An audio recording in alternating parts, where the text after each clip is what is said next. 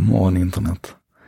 Och en sak idag ska egentligen inte handla om någonting alls idag. Jag måste till och med viska så att jag inte väcker kära hustrun. Det är nämligen den 28 november idag. Och eh, för tio år sedan så gifte vi oss här i New York. Idag ska vi fira det. Eh, och eh, Ja, det finns mycket man skulle kunna berätta om det. Jag tänkte inte göra det.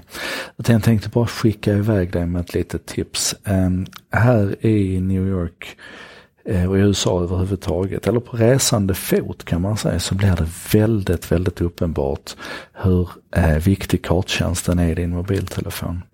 Och Google Maps har blivit riktigt, riktigt bra.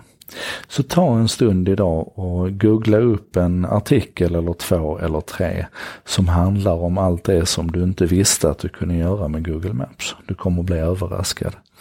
Jag ska också bjuda på mitt allra bästa power tips själv och det är så här att om du istället för när du skriver in en, en gatuadress i Sverige, så istället för att du skriver eh, Skansgatan 1 eller Drottninggatan 125 så börjar du med att skriva numret eh, och då kommer den att hjälpa dig med auto eh, complete av gatunamnet på ett mycket smidigare sätt.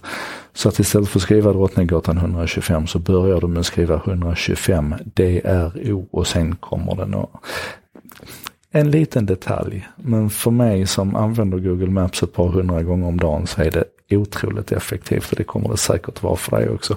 Men framförallt se nu till att, att googla tag på en, en artikel om, om, om kraften i Google Maps och fascineras och förundras över att vi idag har tillgång till en sån underbar tjänst i vår mobiltelefon. Um, och ett tips till förresten. Jag vet att jag har pratat om det här innan med att hålla koll på Googles eh, uppköp och de företagen de köper upp och, och investerar i. Eh, och det är så roligt för att om man backar tillbaka i tiden där så kan man se ungefär 18 månader innan de lanserade Google Maps så kan man se på deras uppköp att nu var det på gång. Eh, ja, vi skulle kunna prata en hel vecka om allting som vi kan lära av Google Maps, men det har vi inte tid med. För nu ska jag snart gå ner och, och köpa lite kaffe och croissant och så ska jag väcka hustrun och sen så börjar vi med en lunch på The Boathouse och sen så blir det middag ikväll på Aquavit. En eh, dag i kärlekens tecken. Eh, det kan jag väl önska dig också. Det här var en sak idag med jag kommer göra mig lite annorlunda idag. Eh, vi ses imorgon istället. Ha det bra. Hej.